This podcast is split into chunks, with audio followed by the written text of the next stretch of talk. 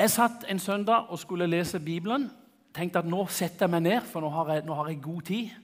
Det var ikke noe som foregikk her. og jeg, hadde, og jeg vet ikke hvordan du har det, men av og til når jeg da setter meg ned med Bibelen, så, så ber jeg gjerne litt på forhånd. Så sier jeg til Gud Er det ei historie, er det et eller annet spesielt du kan lede meg til? Og, så, og det er rart, jeg skal, jeg skal, ikke si at jeg hørte stemmen høyt. Men i minnelsen kom det et navn med en gang inn når jeg hadde bedt den bønna. Mefibosjet. Mefibosjet. Han, noen bibeloversettelser kan han òg Mefiboset. Så det kan godt være jeg bruker begge navnene i dag, men det er en gjeld som noen bruker litt forskjellig. Men Mefiboset. Les om han. Og Jeg var rett og slett der og da litt usikker, så jeg måtte gå og google. Tenk, Hvor finner jeg den historien? Så fant jeg ut hvor jeg fant henne i Samuel, andre Samuels bok, eller i Samuelsbøkene, om slekta både før og etter, og tida han levde i, og sånn, og begynte å lese. Og det har jeg blitt altså så velsigna at når, når, denne søndagen begynte å nærme seg, så har jeg liksom Gud kommet tilbake igjen. Del historia om Mefibosjet.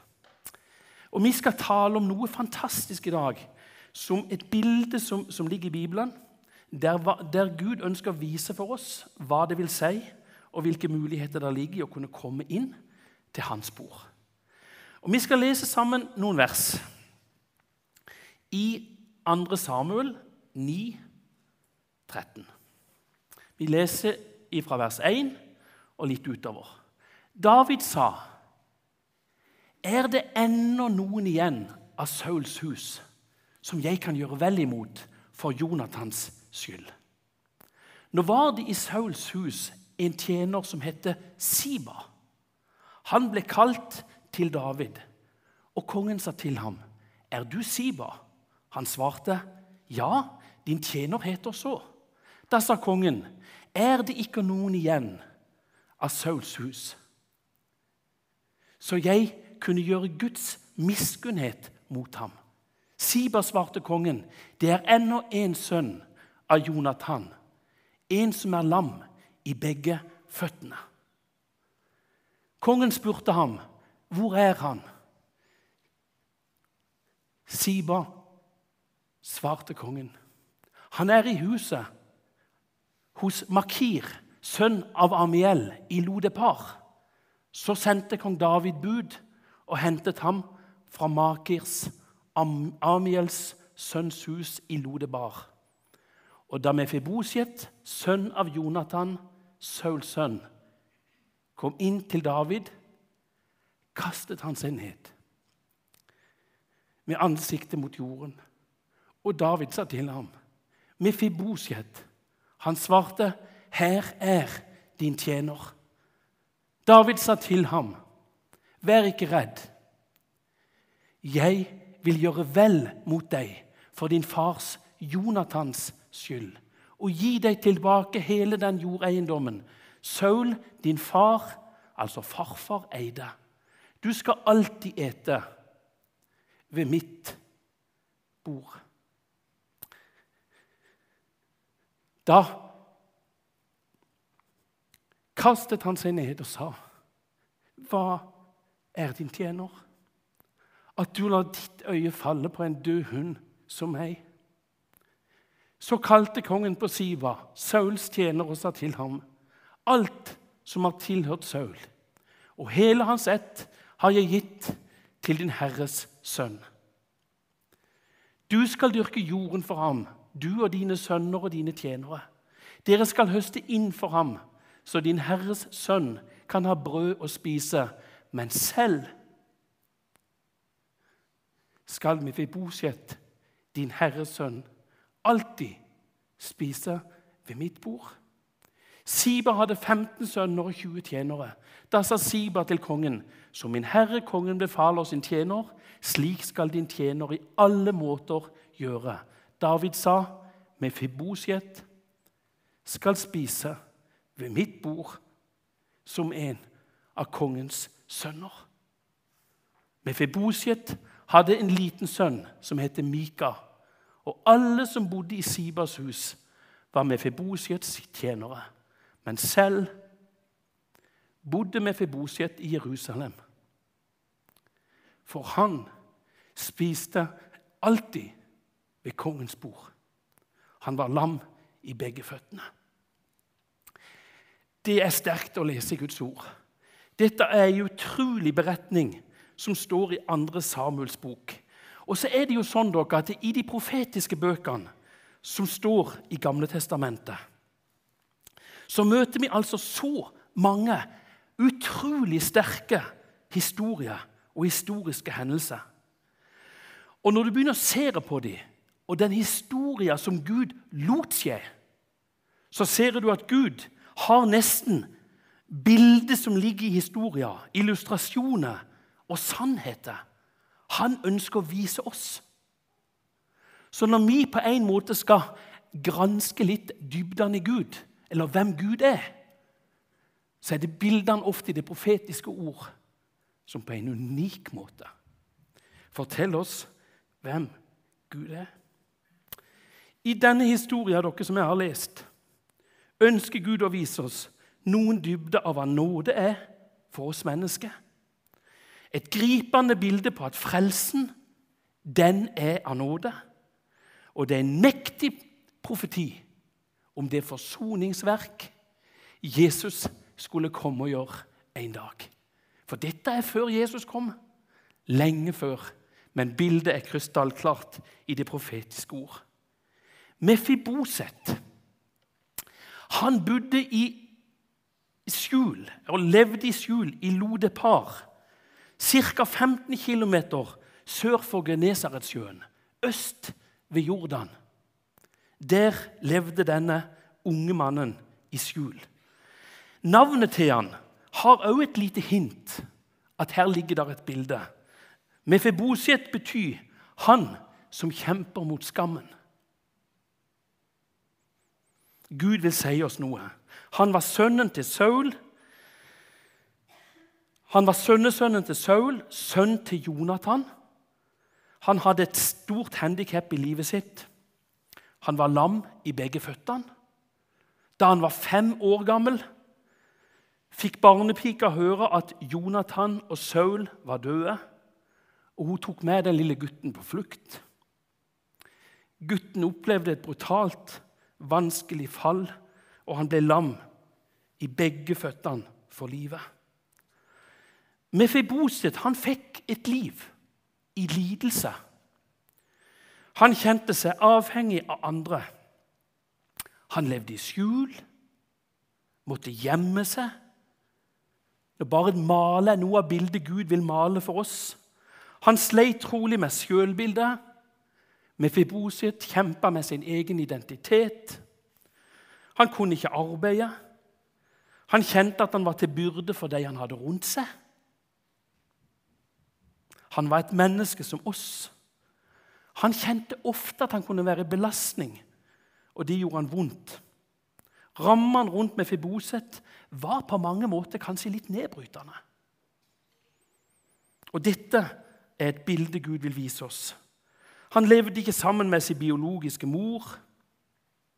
Han hadde trolig en hverdag der han kjente seg uønska. En flyktning med mange spørsmål.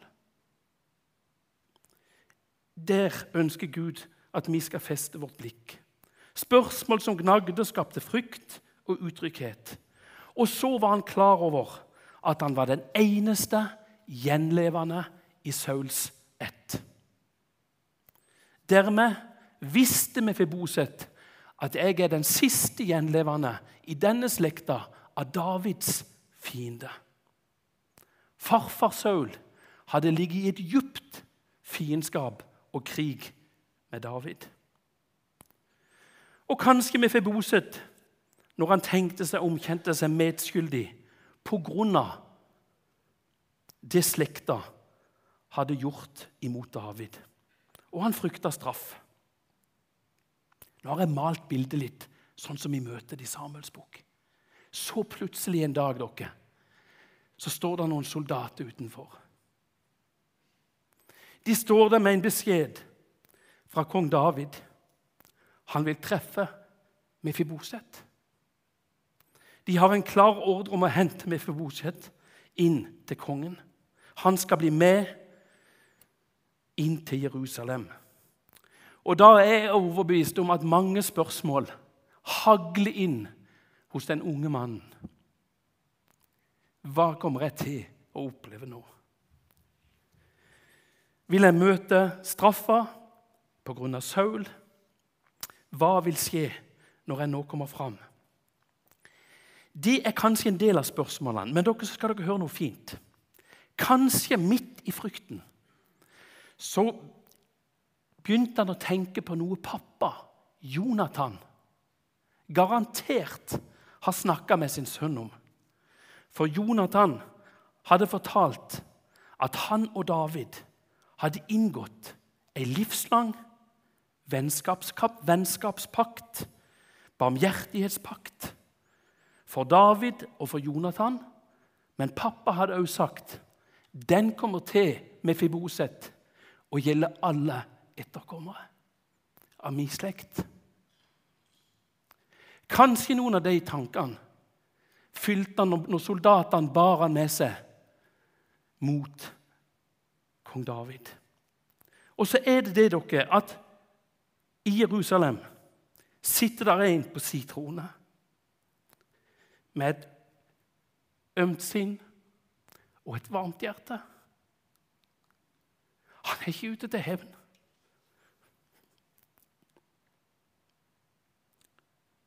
David har lovt med ed at han ikke skal ta sin godhet bort fra en eneste gjenlevende av Jonathans hus. Han sitter i sitt palass og lengter etter å bære varmen fram og inn til en sønderknust sønn i skjul. Han vil innfri sitt løfte. Når Mefeboset ligger der bøyd til bakken i skam, så om, omgis han av varme ifra Jonathan og blir løfta opp og knugd inn, inn til kong David. Selv om Jonathan var død, så var paktens løfte likegyldig for etterkommerne. Omfavnelsen som Mefiboset her får, forteller alt.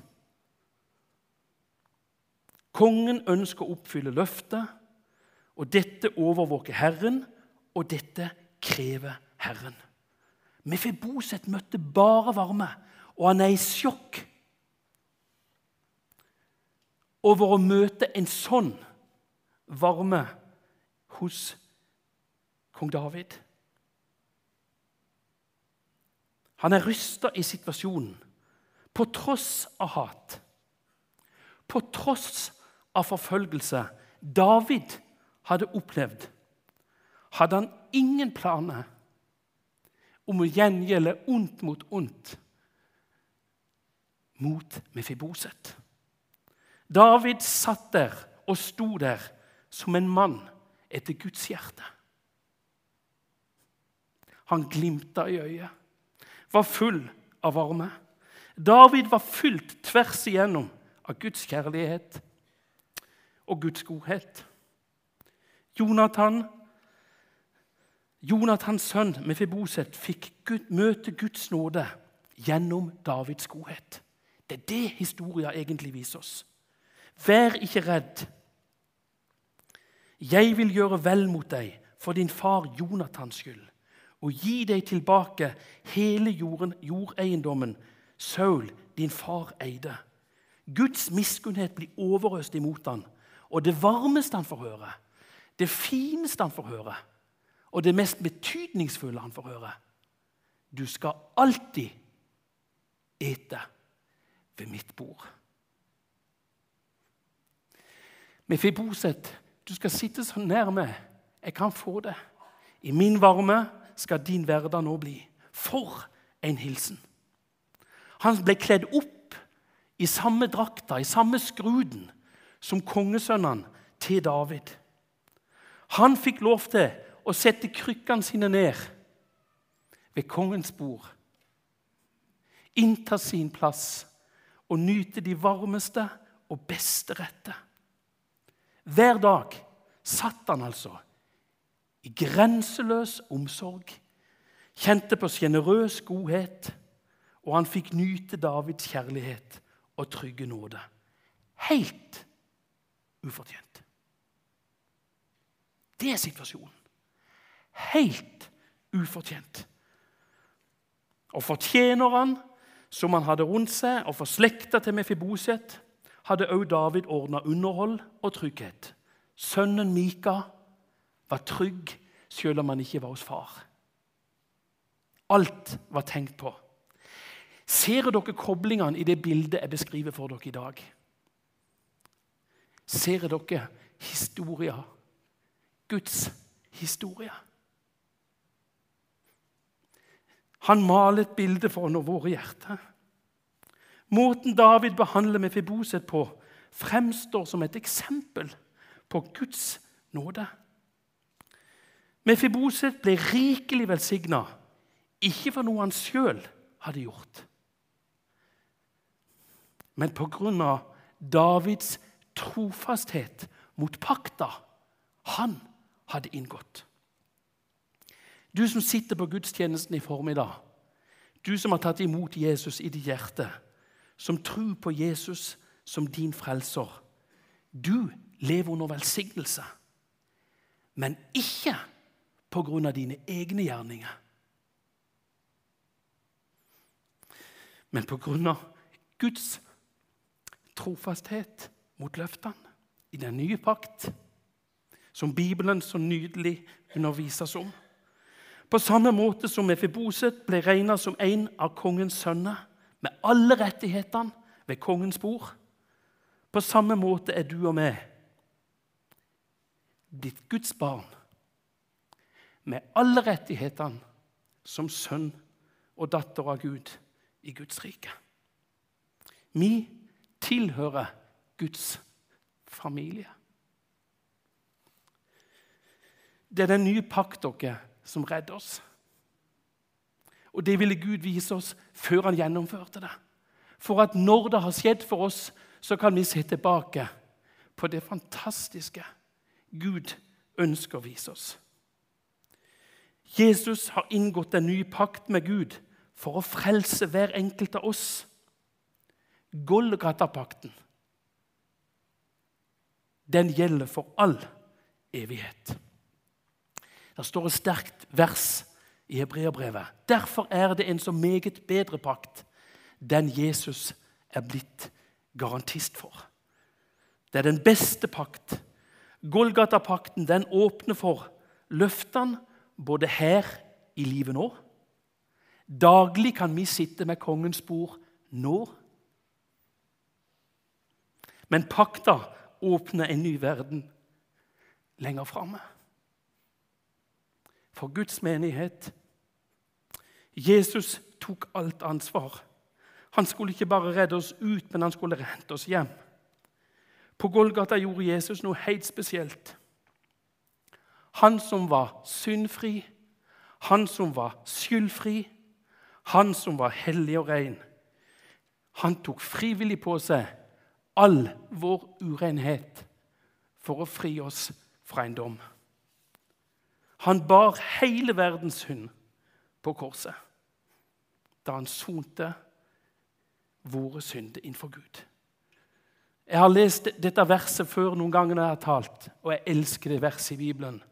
Han som ikke visste av synd, har Gud gjort til synd for oss, for at vi i ham skal bli rettferdige for Gud.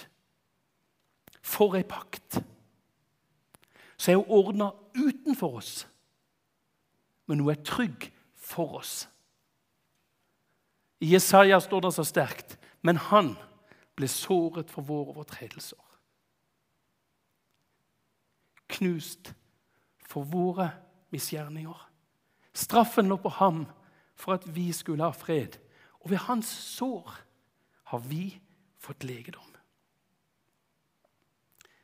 Det jeg vil si til hver enkelt i formiddag Gud lengter etter å stige nærmere hver enkelt av oss. Det ligger litt i forlengelsen av det profetiske vi òg fikk like før talen. Gud lengter etter å stige nærmere hver enkelt av oss. Han vil dekke bord for oss i hverdag, i kamper og i strid. Det som endra Mefiboses liv dere, fullstendig, var Davids varme spørsmål. Er det ennå noen igjen av Sauls hus som jeg kan gjøre vel imot for Jonathans skyld? Noen jeg kan gjøre Guds miskunnhet imot? Det spørsmålet endra alt 15 km sør for Genesaretsjøen. En fikk lov til å forlate et liv i skjul og gå inn i kongens varme. Jeg tror kanskje det sitter flere på gudstjenesten i formiddag som kjenner at Mefibosiets liv det kan jeg speile min hverdag litt i. Kanskje du sitter her i formiddag, du som kjemper med skam. Kanskje du bare vet om det sjøl. Kanskje det sitter en som kjenner seg på flukt. Kanskje det er flere som kjenner på skyld. Fordi du har tatt feil valg i heim, i hverdag, i nabolag. Kanskje det er noen som opplever at de er lamma i sin livssituasjon, slik med Feboset var. Kjenner på identitetskrise. Og så sitter du med en lengsel etter varme, omsorg og bekreftelse. Gud ser inn i din situasjon akkurat nå, så spør han er det noen igjen i denne salen i Lyngdal som jeg kan gjøre vel imot for Jesus skyld. Sånn spør Gud. Er det noen jeg kan gjøre vel imot for Jesus skyld? Noen jeg kan gjøre miskunnhet mot? Sånn tenker Gud som far i situasjonen. Han står med fremrakte hender og venter på hver enkelt av oss. Jeg syns det er så sterkt, det bildet Jesus bruker i Lukas 15. Der bruker han jo flere bilder, men han sier at han ønsker at hver enkelt av oss skal forstå at han lengter etter å omfavne oss. Du som er på flukt, du som har brutt en del grenser i livet ditt. Han tenker på det nå fra sitt palass, så lengter han etter å omfavne det. Han lengter etter Skynd dere, sier han når Jesus maler bildet. Ta fram den beste kledningen og ha den på ham. Gi ham en ring på hånden og sko på føttene. Sånn tenker Gud å kle deg opp i ren drakt hvis du bare vil komme hjem. Han vil så gjerne ta av deg det ureine, og så vil han så gjerne gi deg si frelsesdrakt. Jeg syns det er så fantastisk i Bibelen. dere. Det er derfor jeg blir så grepet når jeg taler om dette. Når jeg møter Guds varme på denne måten og skjønner at det er så om å gjøre for deg, Jesus, å ha deg i mine armer, ha, det, ha meg i dine armer. Og det ønsker han at vi skal forstå og se. Jeg har lagt inn et lite illustrasjonsbilde helt til slutt. Klarer du å se deg sjøl i det bildet? I de rammene ønsker Gud at ditt liv skal være. I en omfavnelse av Gud. Der du bare kan komme akkurat som du er. Han vil at du skal være omfavna, han vil gjerne holde rundt deg. Han sier, 'La meg velsigne deg, La meg berøre deg. Kom inn til meg. Alt mitt er ditt.'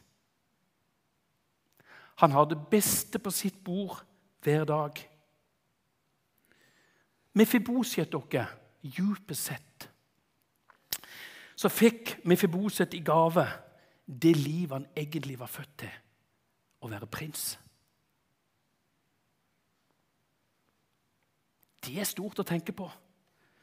Vi som sitter her i dag, vi er helt avhengig av Jesu nåde. Men han løfter det og meg som syndere opp til barnerett, til barnekor og til Guds varme.